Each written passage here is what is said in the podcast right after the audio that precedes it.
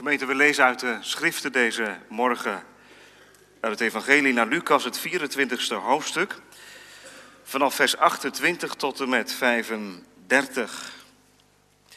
Degenen die de eerdere preken gehoord hebben, die weten dat we stilgestaan hebben bij het eerste gedeelte. Nu het vervolg, Lucas 24 vanaf vers 28 tot en met 35. De Emmausgangers zijn met de derde, van wie ze nog niet weten wie die is, onderweg. En dan lezen wij in vers 28, en ze kwamen dicht bij het dorp waar ze naartoe gingen. En hij deed alsof hij verder zou gaan. En zij drongen er bij hem op aan en zeiden: Blijf bij ons, want het is tegen de avond en de dag is gedaald. En hij ging naar binnen om bij hen te blijven. En het gebeurde toen hij met hen aan tafel aanlag dat hij het brood nam en het zegende. En toen hij het gebroken had, gaf hij het aan hen. En hun ogen werden geopend en zij herkenden hem. Maar hij verdween uit hun gezicht. En ze zeiden tegen elkaar: Was ons hart niet brandend in ons toen hij onderweg tot ons sprak en voor ons de schriften opende? En op datzelfde moment stonden zij op en keerden terug naar Jeruzalem. En vonden de elf discipelen en hen die bij hen waren bijeen. Die zeiden, de Heere is werkelijk opgewekt en is aan Simon verschenen. En zij vertelden wat er onderweg gebeurd was en hoe hij door hen herkend was bij het breken van het brood. Tot zover de schriftlezing. Vanmorgen uw en jouw aandacht voor vers 28 en 29 die staan centraal in de verkondiging. Lucas 24, vers 28 en 29. We lezen die versen nog een keer. En zij kwamen dicht bij het dorp waar ze naartoe gingen. En hij deed alsof hij verder zou gaan. En zij drongen er bij hem op aan en zeiden: Blijf bij ons, want het is tegen de avond en de dag is gedaald. En hij ging naar binnen om bij hen te blijven. Psalm 57, vers 5 en 7 zingen we straks na de preek. Uw hand, o God, heeft veilig mij geleid. Ik ben gered, nu is mijn hart bereid om u, mijn God, te loven. Psalm 57, vers 5 en 7, na het amen van de preek. Boven de preek staat geschreven gemeente hoe Jezus huis en hart binnenkomt hoe Jezus huis en hart binnenkomt. Dat doet hij allereerst onder de schijn van het tegendeel. Want we lezen, ze kwamen dicht bij het dorp waar ze naartoe gingen en hij deed alsof hij verder zou gaan. Dus onder de schijn van het tegendeel. In de tweede plaats vanwege aandrang van de Emmausgangers. En zij drongen er bij hem op aan en zeiden, blijf bij ons, want het is tegen de, tegen de avond en de dag is gedaald. En tot slot, door zelf naar binnen te gaan en bij hen te blijven. En hij ging naar binnen om bij hen te blijven. Hoe Jezus huis en hart binnenkomt, allereerst onder de schijn van het tegendeel. Gemeente, ze zijn bijna thuis de Emmausgangers, Cleopas en die ander van wie we de naam niet weten. Bijna in Emmaus, bijna thuis. Wat hebben ze inmiddels al veel beleefd aan die vreemdeling? Omdat hij al wandelende de schriften opende en hen vertelde dat Christus moest lijden en dat door het lijden heen hij de heerlijkheid zou gaan beërven. Daar hebben ze versteld van gestaan, denk ik. We lezen ook niets van reactie. Ze hebben enkel geluisterd tijdens die wandeling. En dat was ook de bedoeling, hè? Ze moesten hun oren gebruiken, want het geloof is uit het gehoor. Jezus doet een beroep op je oren. Zo opent hij ook vandaag nog de schriften. En dat onderwijs, gemeente, dat is onderwijs geweest op het niveau van het hart. Er is ook wat gebeurd van binnen. Hoe weet je dat? Nou ja, verderop in dit schriftgedeelte lezen wij dat de harten branden.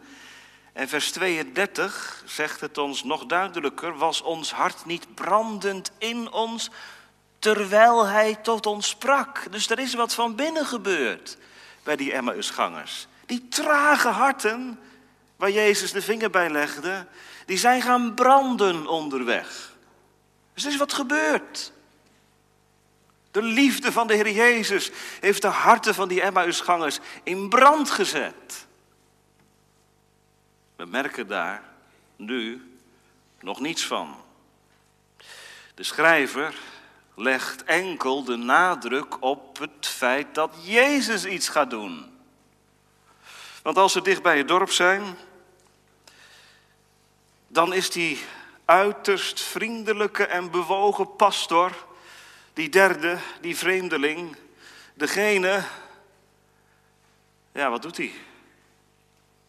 Nou, zegt iemand, hij zal wel mee naar binnen gaan. Ik bedoel, zo'n vertrouwelijk, zo'n gesprek van hart tot hart, zo'n ontmoeting, dat wil je toch doorzetten als pastor, broeders? Heb je dat nooit? Dat je ergens op bezoek gaat en het is zo'n mooi en goed bezoek. Je zou wel willen blijven zitten. Je hebt ook helemaal geen, geen aandrang om weg te gaan. Harten gaan open. Wat doet Jezus? Kinderen, jonge mensen. Onvoorstelbaar. En ze kwamen dicht bij het dorp, vers 28, lees mee, waar ze naartoe gingen. En hij deed alsof hij verder zou gaan. Kinderen, jullie spelen vast wel eens voetbal, hè? Op het plein, op het schoolplein of waar dan ook. En als voetballer kun je ook af en toe een schijnbeweging maken. Heb je dat gedaan? Een schijnbeweging gemaakt? Dan doe je net alsof je rechts om je speler gaat en je gaat eigenlijk linksom. Je zet die ander op het verkeerde been. Je doet alsof. Van de Heer Jezus, toch? Toch is dit geen incident. Ik wijs even op de geschiedenis dat Jezus op zee loopt. Hij wandelt eerst op de oever. De discipelen zijn in het schip op zee. Er is heel veel wind, stormt. Discipelen zijn in gevaar en dan loopt Jezus op de zee naar het schip toe. En dan doet hij alsof hij verder gaat. Dat gebeurt dus vaker. Misschien zit er iemand te luisteren die zegt: Dominee, hoe kan dat? God doet toch nooit alsof. God is toch echt, God is toch betrouwbaar. Hoe kan Jezus die Emmausgangers op het verkeerde been zetten? Speelt hij een spelletje met ze? Bovendien, hoe, hoe kun je deze schijnbeweging rijmen met het voorafgaande? Met die pastorale houding van de Heer Jezus. Natuurlijk, er is wel wat gaande, de harten zijn aan het branden, maar wees eens eerlijk, hebben wij een reactie gelezen van de Emmausgangers? Hebben wij al iets vernomen van de weerklank op het onderwijs? Daar is het de Heer toch om te doen, gemeente. Dat er een reactie komt. En nou doet hij alsof hij verder gaat. Gemeente, dit is een spanning in dit gedeelte. Die Lucas heel welbewust ons vanmorgen meegeeft. Want om u niet verder in de spanning te laten, nee, de Heer Jezus doet niet alsof. De Heer Jezus zet de Emmausgangers niet op het verkeerde been. Hij is echt niet van plan om echt verder te gaan. Maar waarom dit dan toch? Ik kan me voorstellen dat er mensen zijn die zeggen: uh, Ik heb dit op relationeel niveau meegemaakt met een collega van me, of met eh, familieleden of met andere mensen. Ze waren er eerst helemaal voor mij. Maar om een of andere reden is er wat tussen gekomen, wat weet ik niet. En sindsdien, sindsdien weet ik mij niet meer gezien. Dat is pijnlijk, hè?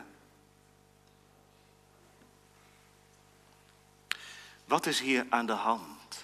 Ziet Jezus deze Emmausgangers niet meer? Oh jawel, oh jawel. Juist wel. Ik zou dit gemeente Gods opvoedkunde willen noemen. Zo handelt de Heer Jezus met zijn discipelen. Zo gaat hij met ze om. Hij wil iets ontlokken aan ze. Door zijn manier van doen wil hij iets bovenhalen. Wil hij een reactie. Want wat leeft er nu in het hart van die Emmausgangers? Kunnen ze nu zeggen tegen de Heer Jezus, nou bedankt dat u ons vergezelde, wij zijn thuis, wij trekken de deur achter ons dicht en we zijn nu weer in onze veilige heimat. Of is er meer? Is er wat ontstaan? Is het met Asaf, u al mijn liefde waardig schatten, o Heer Jezus, al weten ze nog niet wie het is. Blijf bij ons, want uw onderwijs hebben we dringend nodig. We kunnen niet zonder u dat. U zoekt mijn hart. Mijn oog blijft op u staren.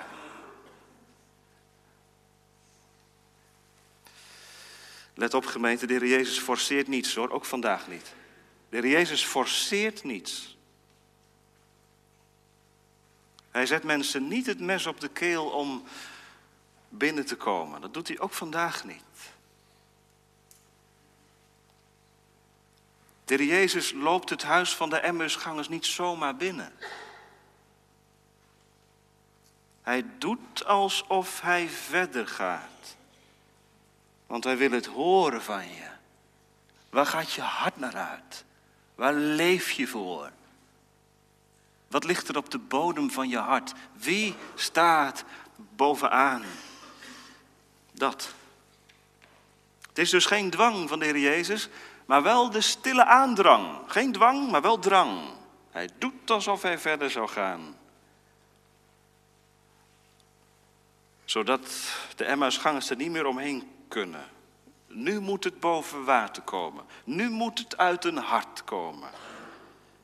Here, kom. Of ga maar verder. Wat Jezus hier doet, gemeente, is de spits van zijn pastorale arbeid.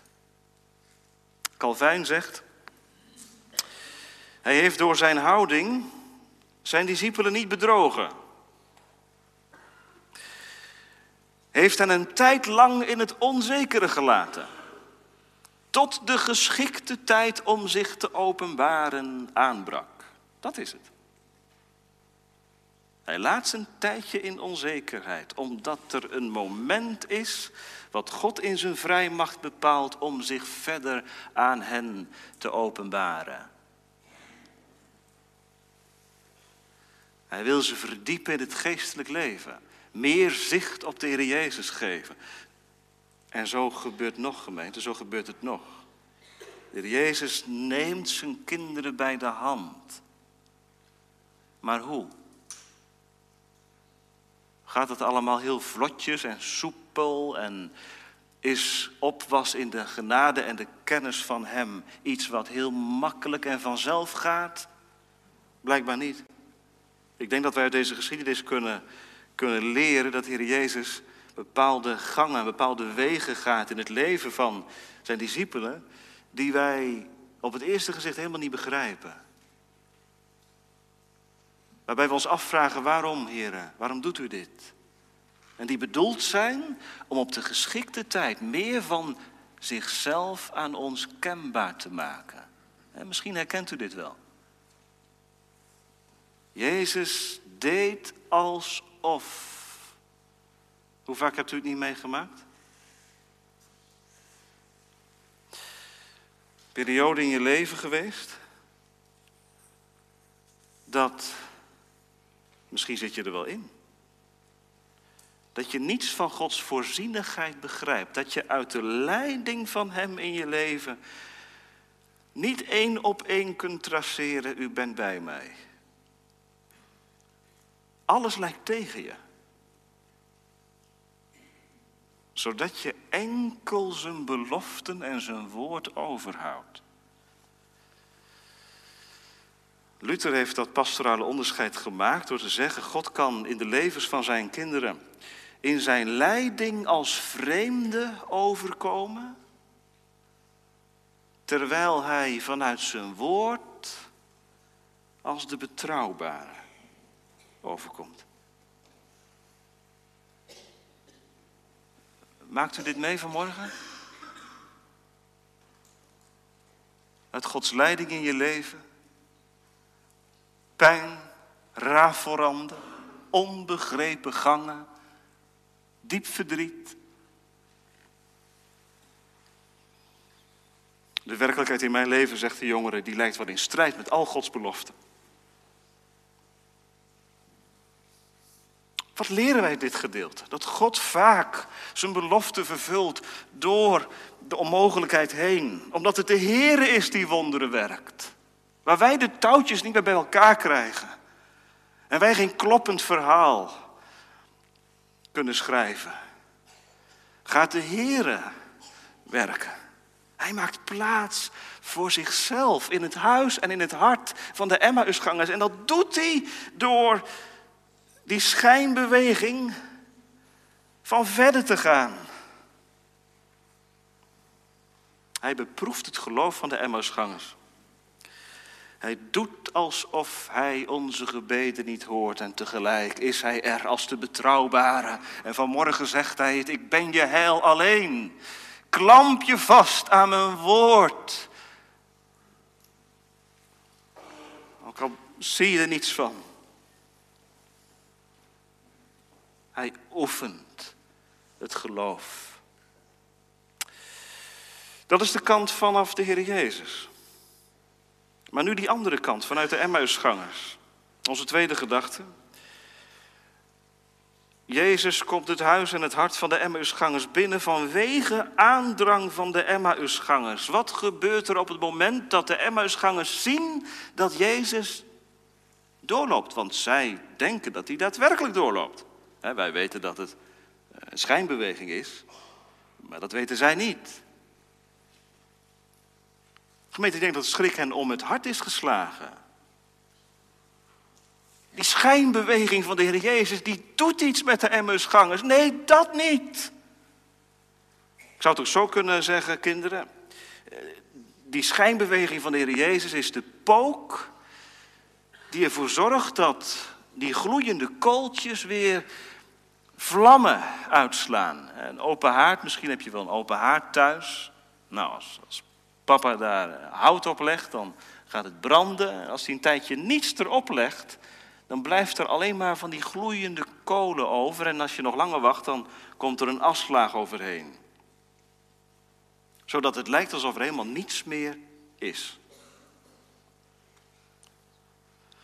De haard is uit, zeg je dan. Ja, dat dacht je.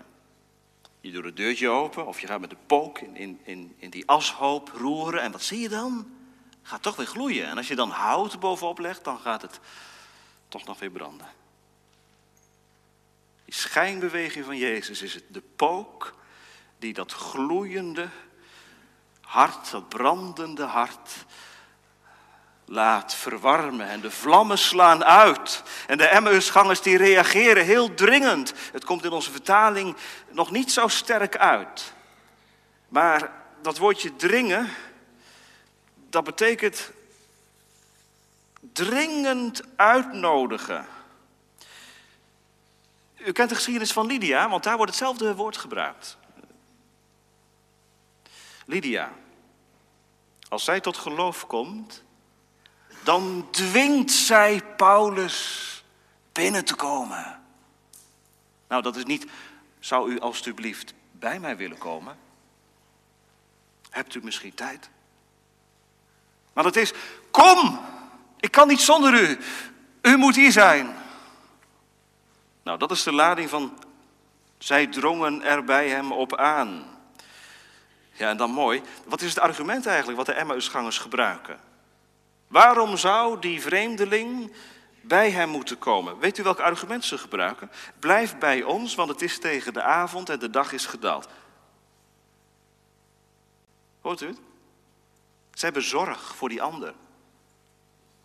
U kunt nu niet verder gaan, meneer.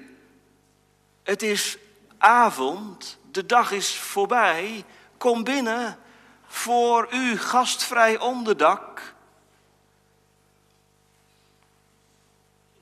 Maar eigenlijk hoor ik daarin uh, geestelijk uh, eigenbelang. U moet bij ons komen. Ze kleden het prachtig in. U ontvangt gastvrij onderdak als u bij ons komt. Hoeft u niet verder te gaan, sluiten we de deur, bent u veilig. Maar ik hoor erin, wij kunnen u niet missen. Wij willen meer van u weten. We hebben genoeg aan u, maar we hebben niet genoeg van u. Blijf bij ons. Dat is de aandrang. Dat is de liefde van God. Dat is het hart, gemeente, waar de liefde van God is uitgestort. En ik zou u willen vragen, herkent u dit? Net zoals Paulus de Heer Jezus kende en in Filippenzen 3 schrijft, opdat ik hem kenne. Oh, dat ik hem dieper en meer zal leren kennen. Dat is toch een, ja, een grondtrek in het leven met de Heer. Meer kennis van Hem, meer omgang met Hem. Jonge mensen, zo is het toch ook in je relatie. Laten we eerlijk zijn, als je geliefde op de stoep staat en ze belt aan en je weet, hij staat beneden of zij staat beneden. Nou, blijf je dan uh, boven? Zeg je nou, ja, ik heb er gisteren ook al gezien, waarom, moet ze, waarom zou ik er nou weer ontmoeten? Als je haar hartelijk lief hebt, dan storm je naar beneden. Dan gaat de deur open en val je in elkaars armen. Dat is de liefde. Ja, dat is de liefde. En toch, gemeente, en toch, ik moet wel even een kanttekening hierbij maken. Want in het leven met de Heer zou het altijd zo moeten zijn, hè? Maar is het ook altijd zo? Leef je altijd op de top, hè? Oeh, nu komt het dichtbij, hè? Leef ik altijd op de top? Oh, oh, oh, nee. Ik kan zo ingezonken zijn. Om met het beeld uit het hooglied te spreken. Hè? Die bruid ligt op bed. Ze hoort kloppen. Ze heeft zich inmiddels uitgekleed. Ze ligt al in bed. Ze hoort kloppen, de stem van haar liefste. En ze zegt, ach, ik lig al op bed. Ik heb mijn kleren uitgedaan. Moet ik nou weer mijn schoenen aan doen en mijn kleren aan gaan doen om hem binnen te laten? Dat is ingezonkenheid waarvan u misschien wel zegt, ik heb er zo last van. Ik heb er zo'n last van.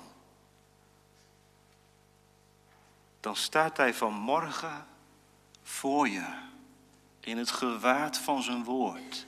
En hij doet vanmorgen alsof hij verder gaat. En nou eerlijk. Mag dat? Mag hij verder gaan?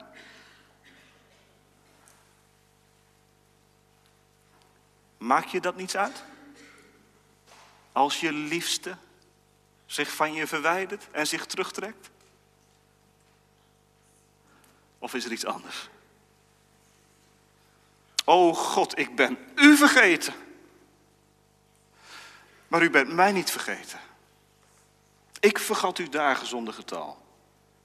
Maar u ontfermt zich over mensen die ingezonken zijn. Nou, de Heere zorgt er ook vanmorgen voor, dat weet ik zeker, dat er mensen onder het woord gaan reageren met aandrang, net als die Emmausgangers. Blijf bij ons, neem intrek, Heere, bij mij. Ik heb u vergeten, door mijn zonde misschien wel buiten de deur gesloten. Kom. Gemeente, we kunnen zo lauw en zo lak zijn. Hè? Het was een spiegel toen ik dit voorbereidde. Ik denk, ja, dit is, dit is ook het leven van het geloof. De aandrang. vasthoudende, het aanhoudende. Als je de Bijbel leest trouwens, zie je dat die aandrang op meer plaatsen voorkomt. Wat dacht u van Jacob? Ik laat u niet gaan, tenzij u mij zegent. Wat denkt u van Gideon? Als de Heer tegen hem zegt, ik zal met u zijn. Gij dapper en strijdbare held. Dan zegt Gideon, geef me een teken. Ga toch niet weg. En zo zijn er meer voorbeelden te noemen van mensen die met aandrang God als het ware gebeden hebben te blijven en te zegenen. Ik weet nog dat ik in mijn uh, studententijd een preek las van Lloyd Jones over de tekst uit Matthäus 11. De geweldigers nemen het koninkrijk der hemelen met geweld. Een hele merkwaardige tekst. En in die preek zegt Lloyd Jones, een christen is een geweldenaar. Niet in de zin van terrorist of iemand die vecht of moordlustig is, maar een geweldenaar, hij doet geweld op het koninkrijk van God. Dat kwam boven toen ik dit zinnetje las. En ze drongen er bij hem op aan. En ik vraag u en ik vraag jou vanmorgen. Doet u geweld, doe jij geweld op het koninkrijk van God? Of laat het je allemaal blauw-blauw? Naar de kerk gaan is prima, Bijbel lezen. Bidden, het hoort er allemaal bij, traditie en zo, meegekregen van huis uit. Maar is er ook die drang? Is de God in de hemel, de God die van u kan zeggen, dat is een geweldenaar. Hij doet geweld, zij doet geweld op het koninkrijk van God. Zij, zij bidt, hij bidt met aandrang. Heere, zegen mij, kom in mijn hart, kom in mijn huis. Ik kan u niet meer missen. Gemeente, ik geloof dat we dat als gemeente ook nodig hebben. Denkt u niet? We hebben deze prachtige kerk gekregen. En we zitten met veel mensen onder dit dak. Maar wat als de Heer niet onder dit dak woont en komt? Er zijn mensen die bidden voor deze gemeente. Zullen we dat blijven doen, gemeente? Wat denkt u? Dat de duivel dit allemaal oogluikend toestaat? Dat zoveel jonge mensen hier naartoe komen? Dat gezinnen met kinderen hier zitten? buren zeggen dat geregeld. Hoe kan dat eigenlijk? Dit gaat toch eigenlijk tegen tegen alle secularisatieverhalen in. Dat zoveel jongeren hier naar de kerk gaan. Ja, dat is zo. Wat denkt u dat de duivel dit oogluikend toestaat? Ik geloof het niet. Wat is het nodig, gemeente, dat wij weten van het gebed? O God, kom onder ons dak, want de avond van de geschiedenis is ingegaan. En de dingen spitsen zich toe en we gaan naar het eind. Blijf hier, heren, blijf ons nabij. Alleen in de weg van die aandrang is er zegen te verwachten. Niet omdat deze Emmausgangers zo goed hun best doen om de Heer Jezus te bewegen in huis te komen. Ach nee. Maar vroeger zeiden ze het, en het is zo waar, hij wil er om gebeden zijn. Zo is het toch? Hij wil er om gebeden zijn. Het is niet iets, het hel van God is niet iets wat ons aankomt waaien. In de weg van gebed en het zoeken van Hem is er zegen te verwachten. En ja, wat als je nou zo lang bidt, hè? En het komt er maar niet van voor je gevoel. Habakkuk. Habakkuk, die persoon uit het Oude Testament, had er ook last van. Hij riep tot de Heer. Hij deed ook geweld op het koninkrijk van God. En het duurde en het duurde maar. En de vijand maakte zich groot. En Habakkuk zegt, hoe moet het? En dan in het midden van die klachten hoor je hem ineens zeggen... Als hij achterblijft, verwacht hem, want hij zal zeker komen. Gemeente, dat is nog zo. God is geen God die bidders laat staan en mensen die geweld doen op het koninkrijk van God laat staan. Het is in zijn hart om intrek te nemen in het huis en in het hart van zondige mensen. Onze laatste gedachte. Door zelf naar binnen te gaan. Om er te blijven. Ze hebben het niet doorgehad, gemeente. Maar die schijnbeweging van Jezus, hij deed alsof hij verder zou gaan, was eigenlijk de klop op de deur van hun hart. Doe mij open, doe mij open. En hij ging naar binnen. Het verzoek van de Emmausgangers wordt ingewilligd. Hun gast vindt een gastvrij onthaal. Wat doet Jezus daar binnen? Volgende week horen we daar meer over. Maar nu even over dat woordje blijven. Hij ging naar binnen. Niet zomaar. Als ieder ander. Hij ging naar binnen om bij hen te blijven. Nou kinderen, dat duurt dus vrij lang. Hè? Als iemand naar binnen gaat bij je en hij blijft bij je, dan is hij niet met een uur weer buiten. Stel dat je een logier ontvangt. Het logier stapt de drempel van je deur over. Is binnen. Een logier kan een paar dagen blijven. Ja, maar dat geldt voor de Heer Jezus niet, zegt iemand. Want de Heer Jezus die staat vrij snel toch weer buiten. Klopt dat wel? Hij ging naar binnen om bij hen te blijven. Dat woordje blijven moeten wij, zo vertalen wij het alleen, eh, moeten wij niet alleen zien als lang, duurzaam. We moeten het vooral in de diepte peilen, dit woord.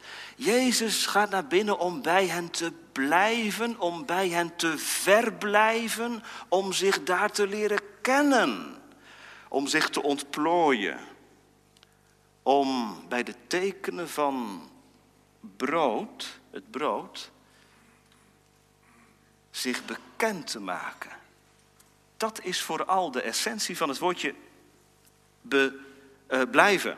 Hij blijft er. Hij komt er om zichzelf te laten kennen. Zie, ik sta aan de deur en ik klop. Gemeente, is dat niet geweldig? De heer Jezus loopt het huisje van die Emmausgangers niet voorbij. Hij is net uit het graf verrezen. En hij staat voor het gewone huis van de Emmausgangers. En hij gaat er naar binnen ook nog. Oh, wat een zaligmaker gemeente. Ons, mijn gewone bestaan, mijn huisje. Hij wil er binnenkomen. Hij wil er blijven. Zie, ik sta aan de deur van je hart en ik klop.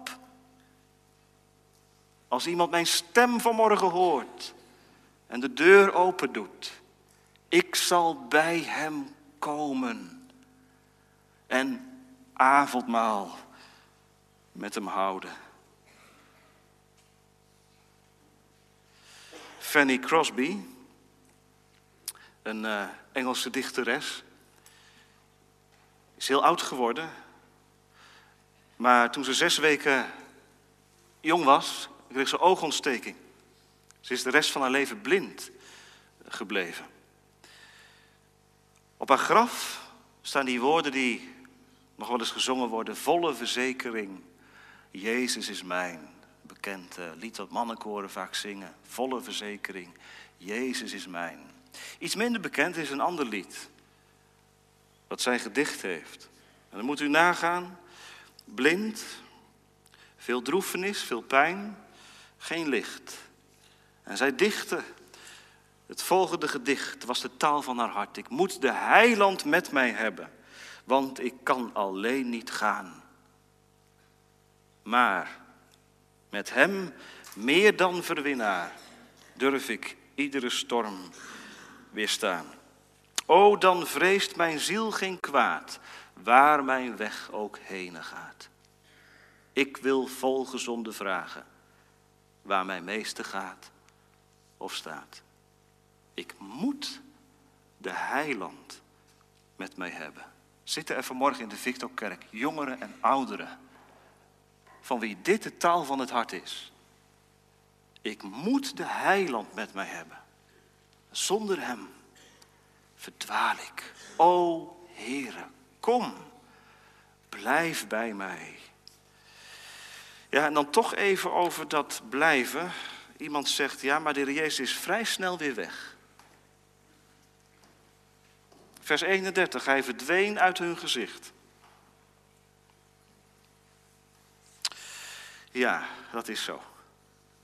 Maar weet u, de Heilige Geest blijft achter. De troost voor het leven van het geloof is dat Jezus nu boven is. Maar naar zijn godheid, genade en geest wijkt hij nooit meer van zijn discipelen. Hij blijft. Nee, niet voor even. Als Jezus weg is, vers 32, keren de discipelen terug en hij is toch nog bij hen. Hun harten branden. De schrift is opengegaan. Ze hebben zich vastgeklemd aan het woord. En ze hebben Jezus herkend als hun Here. En zo is het nog. Jezus is er niet meer. Maar het leven van het geloof is dat door de Heilige Geest beleden wordt. Jezus is boven. En de Heilige Geest zorgt voor die onzichtbare band met de zaligmaker. En hij zorgt voor kracht, moed, vertrouwen, geloofsovergave. Jezus blijft om bij hen te blijven, ook als je naar huis gaat. Als jij een van die discipelen bent vanmorgen, die zachtjes voor je uit vanmorgen met aandrang geroepen hebt, o Heere, kom om bij mij te blijven. Wees bij mij. Dan kan de ervaring van deze dienst na een half uur weg zijn. Maar mag je weten, de hoge priester draagt de namen van allen die in hem geloven op zijn hart. Blijf bij mij, Heer, want de avond is nabij. De dag verduistert. Heere, blijf bij mij. U kent dat gedicht? Een Engelse dominee heeft dat gedicht vlak voor zijn overlijden. Hij preekte die zondag nog uit Lucas 24, vers 29. Het avondmaal werd gevierd. En de tekst voor de preek was: Blijf bij ons, want het is tegen de avond en de dag is gedaald. En hij ging naar binnen om bij hen te blijven. Dat bekende lied, Blijf bij mij, Heer, is gedicht naar aanleiding van deze tekst. Die dominee stierf. Kinderen, hij had toch gebeden, blijf bij mij, Heer? Ja. Maar op een andere manier ging zijn gebed in vervulling. Hij kwam thuis om altijd bij hem te blijven. Hier is het gemeente. Hij gaat bij ons naar binnen. Om bij hem te blijven. En straks zal het zijn. Ik ga naar binnen. Om bij hem te blijven. Enkel en alleen omdat ik hier mijn toevlucht vond en zocht onder de schaduw van zijn vleugelen. En deze God is zo genadig gemeten dat ieder die vanmorgen zijn hoop stelt op deze levende Here, het mag geloven en weten en door de Heilige Geest ervaren, Hij is met mij. Al de dagen, al de dagen, hoe die dagen ook zijn, tot de voleinding der wereld. Amen.